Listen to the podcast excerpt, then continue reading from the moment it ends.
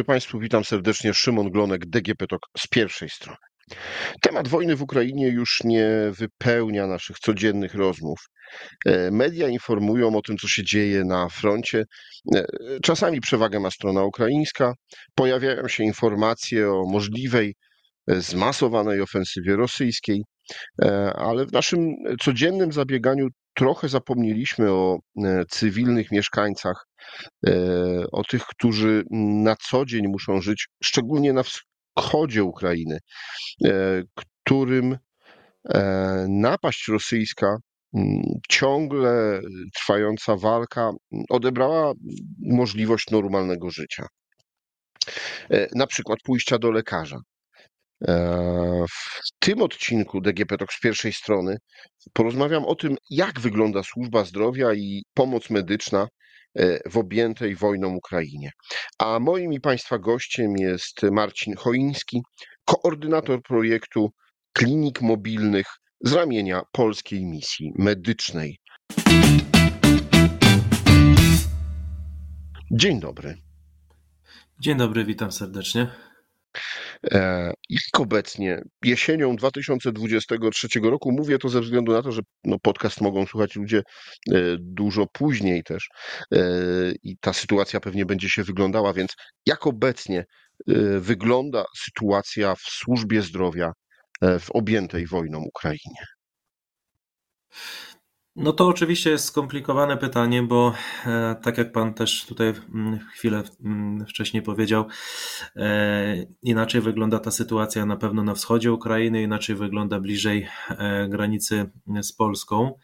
My, jako Polska Misja Medyczna, mm, nasz zespół, poszczególni zaangażowani ludzie, mamy oczywiście przegląd e, całej tej sytuacji, ponieważ no, Polska Misja Medyczna od początku e, konfliktu na Ukrainie wspiera e, szpitale. Zaczęliśmy od tego, że zaczęliśmy mm, przesyłać sprzęt medyczny do szpitali, które też na zachodzie Ukrainy no, zaczęły rejestrować po prostu napływ tych wewnętrznych migrantów i brakowało urządzeń po prostu, żeby choćby udzielać najprostszej, czy czasem też tej bardziej skomplikowanej e, pomocy medycznej.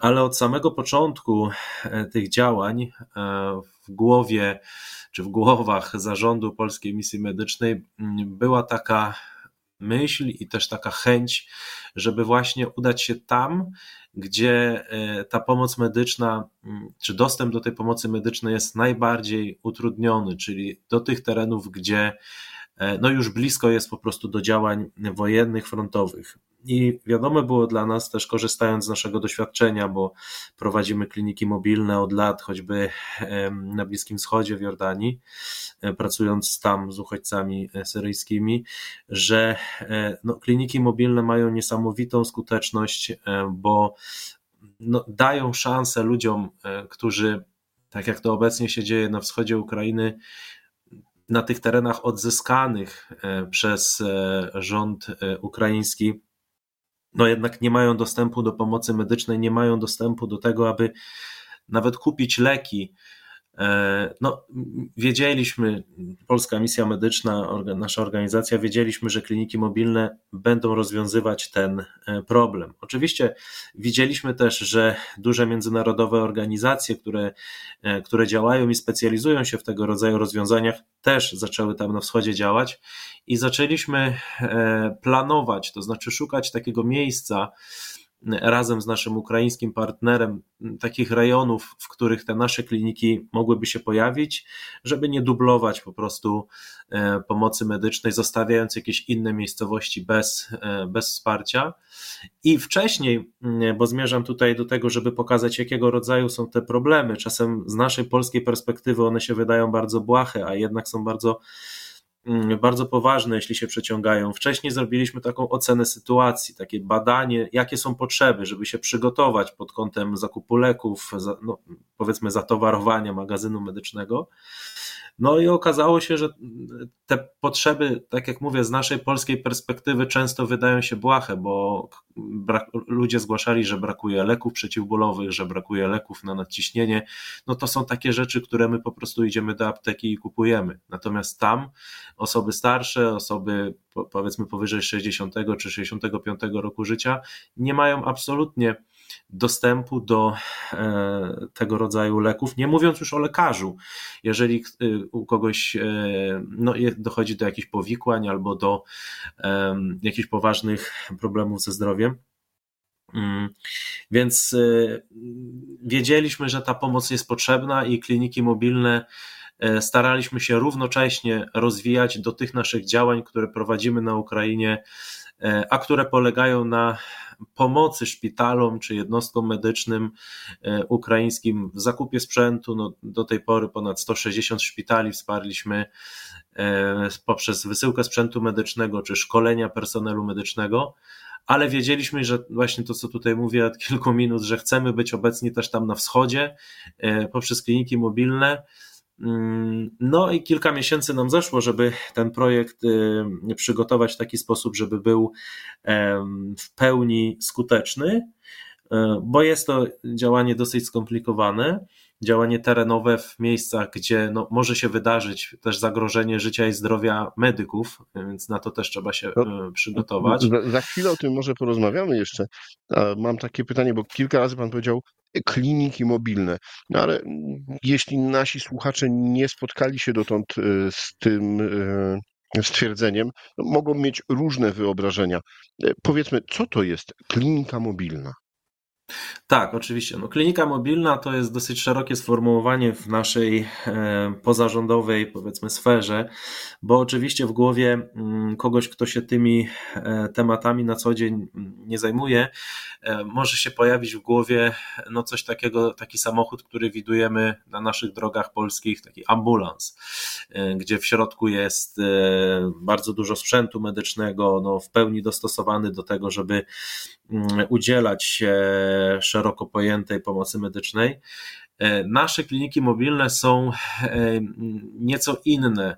E, w tej chwili te pierwsze dwie kliniki, które funkcjonują w obwodzie charkowskim, to są tak naprawdę samochody typu multivan, czyli takie większe samochody 6-7 osobowe, którymi oznakowane oczywiście, którymi odpowiednio, którymi dojeżdżają lekarze i pielęgniarki do e, określonych miejsc, które wcześniej e, ogłaszamy. To znaczy, społeczność danej miejscowości e, wcześniej wie, że klinika mobilna tego i tego dnia w tym i w tym miejscu będzie przyjmować pacjentów. Umawiamy się z lokalnym, z rządem lokalnym, z, z zarządcami danego terenu, że będziemy w konkretnym miejscu. To najczęściej są to najczęściej są placówki, które kiedyś były przychodniami, a teraz po prostu stoją puste. E, I w tym miejscu e, przyjmujemy pacjentów. A, a, klinika mobilna tak naprawdę służy do tego, że razem z medykami przyjeżdżają w niej również leki oraz przyjeżdża, przyjeżdża w, niej, w nich sprzęt medyczny, który po prostu mówiąc najzwyczajniej w świecie lekarze biorą ze sobą do takiej opuszczonej powiedzmy przychodni medycznej, która tego dnia wypełnia swoją normalną funkcję i przyjmuje pacjentów. Bo no, ludzie czasem mogą pomyśleć, że my po prostu gdzieś podjeżdżamy autami i gdzieś pacjenci są przyjmowani mm, e, no nie tak wiem, przy drodze. No, w karetce. To, to tak nie wygląda.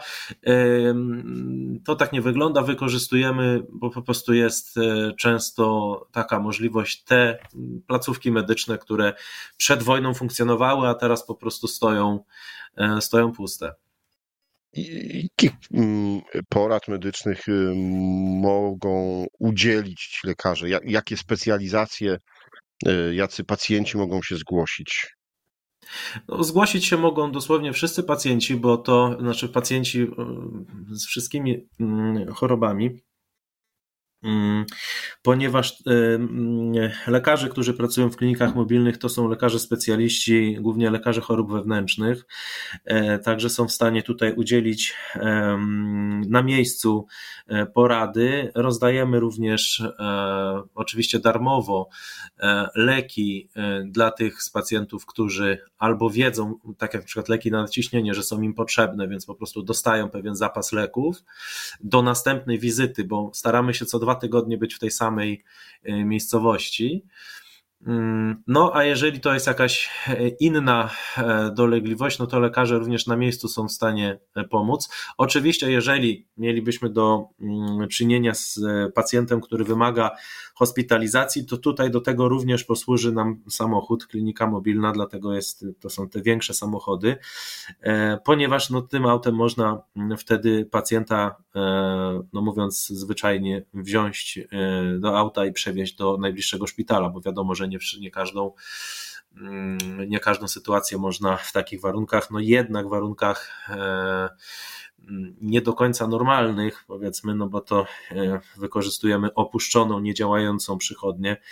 Nie wszystko można w niej zrobić, e, więc jeżeli do czegoś takiego dochodzi, na razie takiej sytuacji nie było, odkąd działają kliniki ale gdyby doszło, no to jest też możliwość transportu e, pacjenta do, e, do najbliższego szpitala, co też jest pomocą dla ludzi, bo e, no, duży procent naszych pacjentów 60%, nie mam takich dokładnych danych, ale na pewno grubo ponad połowę, to są osoby starsze, osoby, które no mają problem też z przemieszczaniem się z uwagi często na zaawansowany wiek, więc, więc takie przewiezienie do szpitala tam kilkanaście czy kilkadziesiąt kilometrów jest też pomocą, no bez której oni do lekarza czy szpitala nie mają możliwości dotrzeć. No, co pan powiedział, że y, tereny, na których działacie, no nie są terenami e, bezpiecznymi. Y, to jak jest z bezpieczeństwem e, klinik e, mobilnych, jak jest z bezpieczeństwem lekarzy? Mm, czy y, macie jakieś, nie wiem, zabezpieczenie wojskowe dodatkowe, pomoc ze strony Ukrainy? Zabezpieczenia wojskowego nie mamy, to znaczy mm, mamy i nie mamy. Tym za, zabezpieczeniem wojskowym jest to, że kierowcy, którzy jeżdżą klinikami mobilnymi, to są kierowcy mm, byli wojskowi, którzy mają przeszkolenie do prowadzenia pojazdów w takich trudnych sytuacjach, no bo umówmy się, że lekarze są ważni, ale w sytuacji, gdyby e, faktycznie miało dojść no, oczywiście odpukać w niemalowane, nie mieliśmy dotąd takiej sytuacji, ale gdyby miało dojść do jakiegoś e, ostrzału, jakiegoś tutaj problemu tego rodzaju, to ważne jest, żeby e, no, ci kierowcy nie spanikowali i byli gotowi do działania, więc tutaj e, tu jest takie powiedzmy, no mówię to oczywiście w cudzysłowie, wsparcie wojska, no bo są to po prostu osoby, byli wojskowi, kierowcy, którzy w armii ukraińskiej taką funkcję wypełniali. Natomiast mamy mm, Oczywiście nasze biuro, Polska Misja Medyczna Ukraina, i w ramach tego biura e, działa e, specjalista do spraw e, bezpieczeństwa, również nasz partner, organizacja, z którą te kliniki prowadzimy, e, taki, takiego kierownika czy specjalistę do spraw bezpieczeństwa posiada. I tutaj za każdym razem, kiedy mamy jechać do danej miejscowości, bo kliniki pracują od poniedziałku do piątku, sobota, niedziela jest przerwa na uzupełnienie leków, na no, przygotowanie po prostu też całego sprzętu do, mm, do działania. E, za każdym razem, kiedy jedziemy nawet do miejscowości, e, w której już byliśmy, czy w której pojawiamy się cyklicznie, to dokonywana jest taka, dokonywana jest taka ocena E, bezpieczeństwa, to znaczy z jednej strony e, tutaj ci właśnie specjaliści do spraw bezpieczeństwa śledzą wszystkie doniesienia oficjalne E,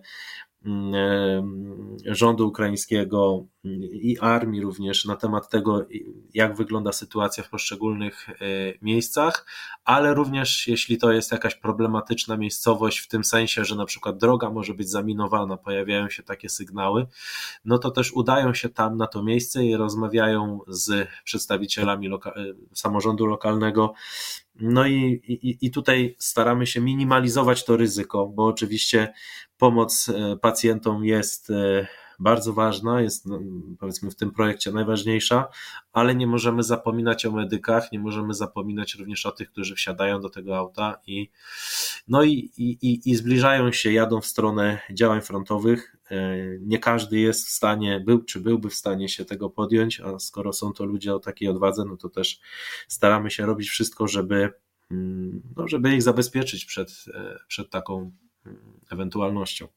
Mhm. Proszę powiedzieć, y, medykami są Polacy, Ukraińcy? Ten personel jest y, skąd? Personel medyczny to są Ukraińcy, y, kierowcy to również są Ukraińcy. No tutaj też z tego względu, żeby ta bariera komunikacyjna nie stanowiła jakiegoś problemu i też ze względu na to, że właśnie Polska Misja Medyczna wybrała sobie jako partnera do tego projektu organizację Frida, E, która to organizacja specjalizuje się w pomocy medycznej, w, w, właśnie w organizacji działań typu kliniki mobilne czy, czy, czy, czy wsparcie szpitali. E, no i tam e, w ramach naszego, znaczy w ramach organizacji partnerskiej mm, jest osoba, która ma no, duże doświadczenie jako taki koordynator działań medycznych i Oczywiście w porozumieniu z nami czy ze mną tu bezpośrednio prowadzona była rekrutacja e, do tych klinik, ale zgodziliśmy się, że, że, że mm, personel medyczny to będą Ukraińcy no z dwóch powodów. To, o czym mówię, żeby nie było bariery medycznej, bariery komunikacyjnej, szczególnie z osobami starszymi, e, też, mm, ale też dlatego, że e, no partner nas zapewnił, że jest w stanie E, te rekrutacje skutecznie przeprowadzić i faktycznie, i faktycznie tak, tak jest. Także, mm, udział no, polskiej misji medycznej to jest e, koordynacja e, tych działań, ale też koordynacja i zapewnienie wsparcia, uzupełnienie leków, sprzęt medyczny, który jest niezbędny do wykonania badań. Tak, no oczywiście, bo e, kupiliśmy samochody, zapewniamy funkcjonowanie tych samochodów, bo przecież e, do, do, tej pory te nasze dwie kliniki od połowy sierpnia przejechały już ponad 12 tysięcy kilometrów, więc no też zapewniamy paliwo. To są takie oczywiste rzeczy, ale bez tego e, przecież nie mogłyby te kliniki e, funkcjonować. Kupiliśmy sprzęt medyczny, wynajmujemy magazyn mm, w Kijowie, taki główny magazyn, gdzie trzymamy czy przechowujemy leki, materiały medyczne i uzupełniamy te, e, te, te zapasy. Wynajmujemy również mniejszy taki magazyn w Charkowie, czyli w tym miejscu, z którego kliniki mobilne e, każdorazowo wyruszają w swoje drogi, trasy. Mm, no i zapewniamy takie całościowe funkcjonowanie, jeżeli się pojawia jakiś, e, jakiś problem, no właśnie strona ukraińska zgłasza e, konieczność przeprowadzenia szkolenia, no to tutaj również e, wspieramy, czy to finansowo, czy w jakikolwiek inny sposób partnera, żeby mógł to przeprowadzić, takie działanie, bo oczywiście no warto tu dodać, że lekarze są oczywiście specjalistami czy pielęgniarki w swoim fachu, ale przeprowadzamy dla nich również szereg szkoleń z zakresu bezpieczeństwa, z zakresu e, takiej medycyny traumy, bo nie każdy lekarz e, też jest do tego jakoś super przygotowany, więc jeżeli któryś z medyków zgłasza potrzebę jakiegoś szkolenia, to staramy się to zapewnić. W jaki sposób Państwo y, finansujecie zakupy leków, sprzętu medycznego, czy chociażby tego paliwa? Skąd wybierzecie na to środki?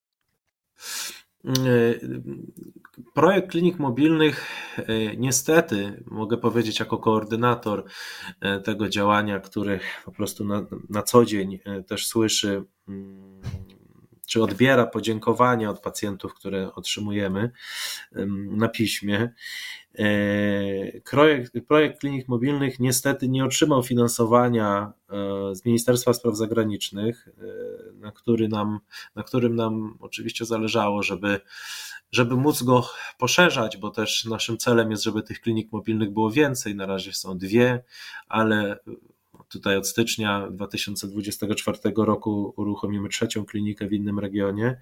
Znaczy, to, toczymy pracę, żeby to się udało a właśnie przez to, że nie mamy takiego, nazwijmy to, jak to w naszym żargonie, zewnętrznego finansowania czy wsparcia instytucji, no to musimy tutaj mm, być bardziej elastyczni, bo cały projekt finansowany jest z naszych wewnętrznych czy z wewnętrznych funduszy Polskiej Misji Medycznej, a te wewnętrzne fundusze no to są fundusze od darczyńców, od firm, od e, instytucji międzynarodowych, które po wybuchu wojny e, w Ukrainie wspierały organizacje różne w całej Europie, w całym świecie, ale też w Polsce, które te organizacje prowadziły działania, czy prowadzą działania e, na Ukrainie. No i zabrała się tutaj pełna pula środków. Ona oczywiście nie jest, wiadomo, nieskończona, ale pozwala ona nam na to, żeby też być w stanie w tych miejscach, czy no w tych miejscach, w tym przypadku w Ukrainie, na wschodzie tego kraju finansować e, z własnych zasobów takie działania, które uważamy, że są e, kluczowe, potrzebne i, no i niezbędne tam z perspektywy też właśnie tamtych ludzi.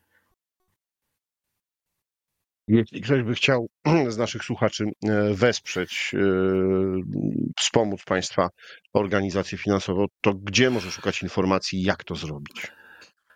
No, my, jako Polska Misja Medyczna, jesteśmy obecni w internecie w zasadzie wszędzie, gdzie to jest możliwe, więc y, podstawowym miejscem jest oczywiście strona internetowa www.pmm.org.pl.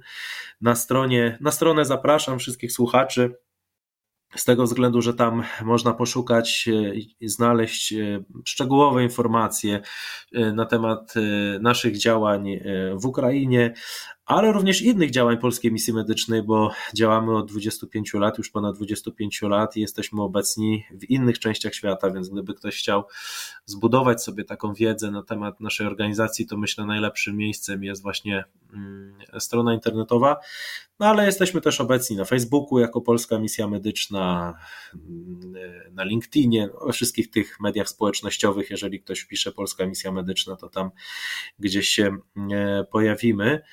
E, no i myślę, że jeśli, jeśli gdyby ktoś tutaj z osób słuchających chciał wesprzeć działania, w moim przypadku najbardziej najbliższe są mi tutaj te działania ukraińskie. Gdyby ktoś chciał je wesprzeć, to no to tam na stronie też znajdzie już oczywiście możliwość, jak to zrobić.